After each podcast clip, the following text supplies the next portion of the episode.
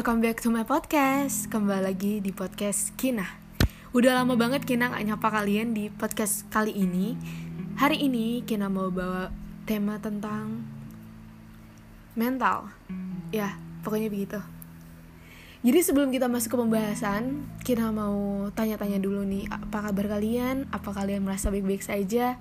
Atau semakin hari kalian merasa tidak enak dan ingin sekali mengubur diri Hari ini kita akan berpetualang untuk menyelami pengalaman Kina. Oke, masuk terus ke pembahasan. Jadi, Kina itu nggak pernah tahu kalau Kina tuh bisa depresi. Nggak pernah tahu sama sekali.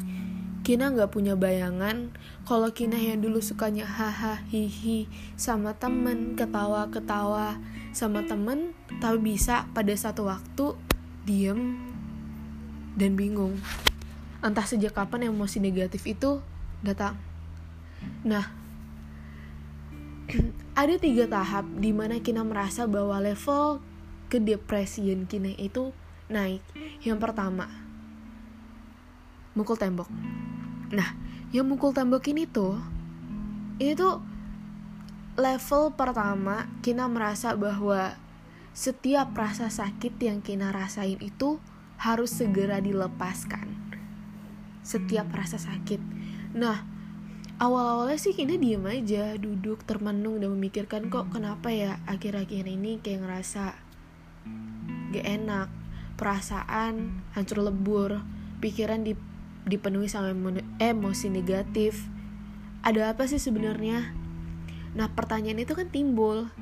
Tapi karena dari luar itu udah mulai masuk ke dalam. Maksudnya emosi-emosi yang seharusnya nggak kina terima yang seharusnya kina bisa lebih kuat lagi untuk menghindari itu akhirnya tertimbun di dalam alam bawah sadar kina di dalam kepala kina. Pertama tuh nggak sadar kalau misal emosi-emosi itu tuh bakal tertimbun dengan begitu cepat dan bisa meledak juga pada akhirnya. Nggak ada nggak ada bayangan sama sekali karena udah lama banget mikirin permasalahan ini. Udah lama banget mikirin kenapa dan kenapa. Akhirnya Kina coba untuk mukul tembok dengan tangan kanan Kina. Karena pada saat itu pada saat lagi begitu atau lagi depresi itu kan emosi itu lagi berkumpul banget ya. Emosi-emosi sedih itu lagi bener-bener ngumpul banget. Bener-bener lagi merasa useless banget jadi manusia. Akhirnya nonjok dan itu pertama kali sensasi yang didapetinnya itu kok bisa ya dengan aku menyakiti diriku sendiri rasa sakit itu berkurang. Maksudnya emosi negatif di dalam kepala Kina itu udah mulai berkurang. Lama-lama bulan ke bulan bulan ke bulan akhirnya Kina punya kebiasaan itu. Setiap emosi negatif masuk pukul. Setiap emosi negatif masuk pukul. Gitu caranya. Tapi karena kan pernah memar ya kita tuh masa kok lama-lama makin kebel ya? Kebel. Kok lama-lama makin kebal ya? Mau mukul juga tetap masih ada emosi negatif itu. Gak bisa hilang secepat apa yang pertama kali kita lakuin. Nah terus kepikiran satu hal yang gak pernah kita pikirin yaitu potong rambut. Pernah gak sih denger orang yang lagi hektik sama kepalanya dan overthinking? Itu potong rambut gara-gara cuma mengurangi suara-suara di dalam kepalanya. Itu kina lakuin Gak tahu kapan Kina pernah kepikiran untuk potong rambut karena masalah itu. Intinya Kina tuh gak pernah berani untuk potong rambut pendek. Bob aja, potong rambut Bob aja tuh mikirnya tuh sampai 15-an kali mikir untuk motong. Tapi karena lagi dalam proses itu atau dalam tempat atau emosi itu akhirnya Kina datang ke salon Kina bilang kayak mau potong pendek kayak gini. Nah, udah bisa foto pendek Kina ngaca Kina ngeliat kayak apakah ini wujud Kina yang baru? Wujud aku yang baru bahwa apakah aku udah begini loh setelah setelah aku mengalami emosi-emosi negatif itu aku begini. Dengan rambut pendek dan dengan bermacam persepsi yang udah mulai berubah-ubah kadang pikiran kekotakin semua tuh bikin kita bingung kadang-kadang. Jadi yang potong rambut sama nonjok tembok ini tuh udah kayak couple gitu. Udah kayak gabungan. Kalau misalnya nggak bisa motong rambut lagi nonjok tapi kalau masih bisa motong rambut lagi motong. Jadi emosi negatif nggak berkurang sebenarnya. Itu tuh cuman kayak bikin kinah ketoksik sama positivity yang udah kina lakuin ketika kinah udah bilang kayak nggak apa-apa ini tuh nggak apa-apa lo tuh nggak sakit lo tuh lagi nggak butuh bantuan lo tuh kuat dan segala macamnya itu malah bikin kinah bener-bener sakit dan depresi itu makin lama makin gede. Sampai akhirnya pada suatu kejadian yang Kina nggak bisa bilang itu gimana Kina udah sering banget kepikiran untuk suicide. Waktu masih nunjuk tembok pun pernah kepikiran untuk suicide untuk ya tahu kan suicide itu apa. Jadi saat dalam kondisi itu yang bener-bener udah nggak tahu untuk ngapain lagi emosi negatif yang udah ketimbun di otak sangat-sangat dalam dan penuh isi kepala nggak bisa tersalurkan dan nggak bisa nggak bisa pokoknya saat itu nggak bisa aja. Akhirnya udah berani untuk cutting yang maksud cutting di sini tuh udah berani kayak untuk nyilet untuk pokoknya pakai benda tajam itu udah berani untuk nyayat kulit. Tapi nggak pernah sampai bener-bener kesayat sih paling kegores luka kayak gitu aja. Emang perih awalnya tuh perih perih banget. Tapi semakin perihnya itu semakin kerasa rasa sakit itu malah Kina tuh merasa kayak semakin berkurang pikiran negatif sama banget polanya kayak waktu Kina pertama kali mukul tembok pertama kali potong rambut itu tuh polanya sama ya kan?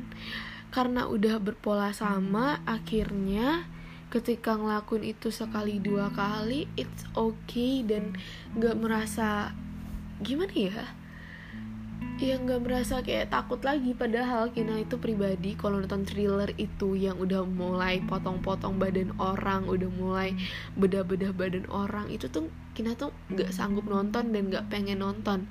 Tapi entah kenapa dalam posisi itu tuh malah Kina berbuat yang se menurut Kina sih itu dia ekstrim ya untuk Kina sendiri. Dan itu sedih banget sih ketika ya ketika keadaan udah nuntut Kina harus begitu kuat dan tangguhnya tapi Kina dalam kondisi please tolong. Aku ini lagi nggak baik-baik aja. Aku ini lagi butuh bantuan loh. Tolong kalian ngertiin keadaan ini. Jangan nekan aku dengan perkataan dengan tindakan yang membuat aku tuh semakin semakin dalam posisi yang nano-nano banget yang udah bingung banget gitu loh terus pernah banget kepikiran kayak kayak mana ya kalau misalnya kita nabrakin diri ke ini ke itu. Itu tuh sering kalau misalnya lagi emosi negatif di luar dari ketiga konteks tadi. Tapi Kina sadar kalau misalnya apa yang Kina lakuin itu salah. Terus Kina mulai berpikir dong Apa sih ngejadiin depresi ini? Rasa sakit ini, ini tuh semakin gede. Akhirnya mungkin ini salah satu jalan yang Allah kasih Dan Allah beri Jadi Kina tuh ke Gramet Emang tahun 2020 tuh Kina nggak pengen ada buku novel satupun yang Kina beli Kina pengen banget buku self improvement Karena Kina butuh untuk ibarat Kina harus tahu sebenarnya Kina tuh dalam posisi apa dan lagi kenapa. Dapat bukunya Mark Manson yang seni untuk bersikap bodoh amat. Mungkin kalau misal bagi orang yang membaca judulnya itu udah salah paham ya kan. Ini buku apa gitu? Masa kita bodoh amat aja harus ada seninya. Tapi ketika Kina baca, Kina tuh teringat banget sama ini kalimat sederhana kayak e, seperti yang Kina bilang semakin kita mengatakan positif kepada diri kita yang sedang tidak baik-baik saja malah semakin membuat diri kita nggak baik-baik aja tanda kuncinya itu di mana? Ketika kita memang lagi sakit kita lagi butuh pertolongan tapi kita bilang sama diri kita sendiri bahwa it's okay. Kamu kuat kamu udah nggak apa-apa kamu kuat kok udah jalanin aja. Itu malah bikin kita semakin sakit semakin ya semakin kita merasa bahwa membohongi diri sendiri memanipulasi diri sendiri. Dan akibat itu buat kita udah nggak sadar kalau kita itu sebenarnya manusia bukan robot. Kita bukan benda yang diprogram tanpa emosi, malah kita tuh dilengkapi oleh emosi.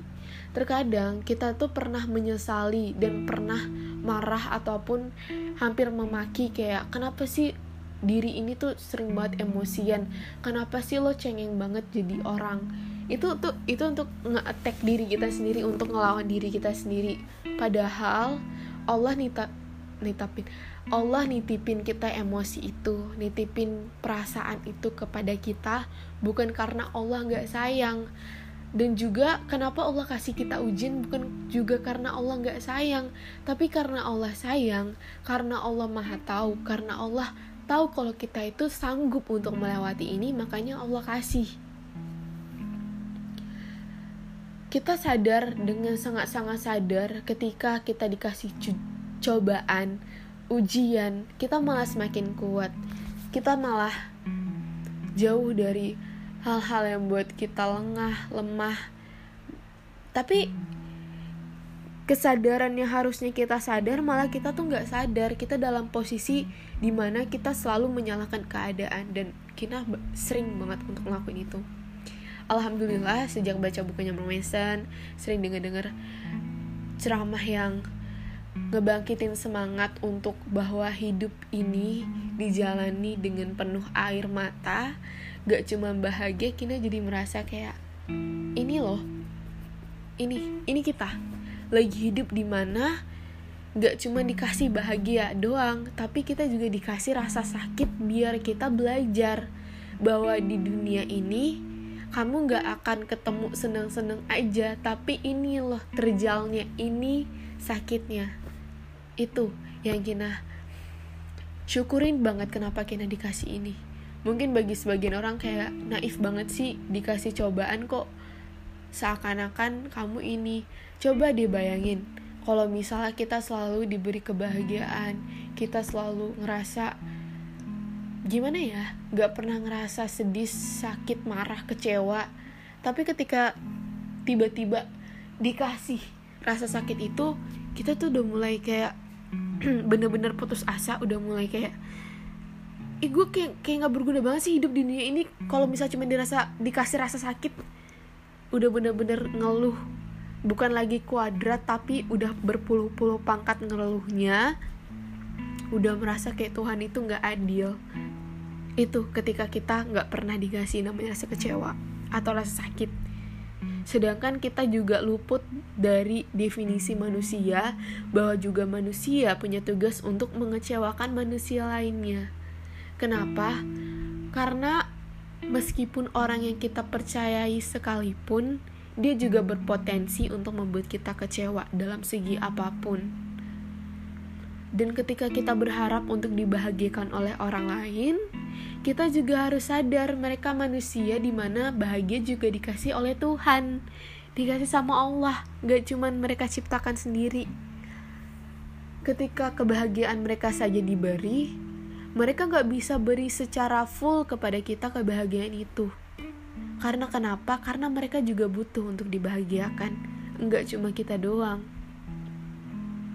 Nah dari pengalaman kinah tadi Di mana kinah udah bisa ngelewatin tiga konteks yang menurut Kina adalah level depresi yang beda-beda, Kina juga menyadari bahwa pemahaman masyarakat tentang kesehatan mental itu juga masih minim, di mana stigma masyarakat dan definisi masyarakat tentang penyakit mental itu juga masih buram. Karena banyak banget yang Kina temuin kayak, aku depresi, oh berarti dia udah gila. Nah, itu salah banget. Seharusnya edukasi tentang penyakit mental ini tuh dikasih tahu sejak dini. Maksud aku tuh dari SMP kita tuh udah kenal sama orang-orang yang punya penyakit mental. Maksudnya kita bisa belajar gitu loh oh ini loh ciri-ciri orang yang lagi depresi. Dan gimana sih cara kita untuk menaungi orang-orang seperti itu? Menaungi tanda kutip di sini itu bisa kasih mereka dukungan motivasi bahwa mereka tuh nggak sendirian di dunia ini. Karena jujur ketika kita merasakan itu kita tuh merasa sendirian kesepian dan bener-bener kayak nggak ada seorang pun yang bisa ngebantuin kita bangkit. Tapi kalau mau kita jujur lagi kepada diri kita sendiri, semua rasa sakit, semua tanggung jawab sejak kita lahir ke dunia ini itu adalah tanggung jawab kita. Jadi kita yang punya tanggung jawab untuk membuat mental kita sehat, membuat kita bahagia. Ya, itu adalah tanggung jawab kita. Kita nggak bisa maksa ke orang lain, karena orang lain juga punya tanggung jawabnya mereka sendiri. Kita nggak punya hak untuk minta pertanggungjawaban itu kepada orang lain. Misalnya, kamu dibuat sakit hati oleh orang lain. Dia udah minta maaf dan kamu masih marah. Itu bukan lagi tanggung jawab dia untuk buat kamu senang dan bahagia. Itu tanggung jawabmu untuk memperbaiki hati kamu yang sedang patah sedang patah hati, sedang marah, sedang kecewa, sedang sedih. Itu tanggung jawabmu sendiri, bukan tanggung jawab orang lain. Begitu juga dengan penyakit mental ini. Kita nggak bisa maksain orang lain. Kita harus berjuang untuk diri kita sendiri. Kita harus kuatin diri kita sendiri. Bahwa penyakit mental ini bisa sembuh ketika kita percaya dan punya tekad yang kuat. Ketika kita berdoa juga dibarengi dengan usaha kenapa memang pergi ke psikologi? Kenapa memang pergi ke konseling? Kita kan butuh bantuan. Ya udah nggak apa-apa. Sama-sama untuk menyehatkan mental kita yang sedang sakit. Aku juga mau menekankan satu hal ini. Ketika ingin menangis maka menangislah. Ketika ingin marah maka marahlah. Jangan dipendam emosi negatif itu. Karena ketika emosi negatif itu dipendam terlalu lama ketika dia meledak maka efeknya lebih berbahaya dari apa yang ketiga hal kulakukan tadi. Dan mungkin ini aja pertualangan petualangan kita pada hari ini. Mungkin dicukupkan aja ya podcast Kina pada hari ini. Sampai jumpa di podcast Kina selanjutnya. Bye.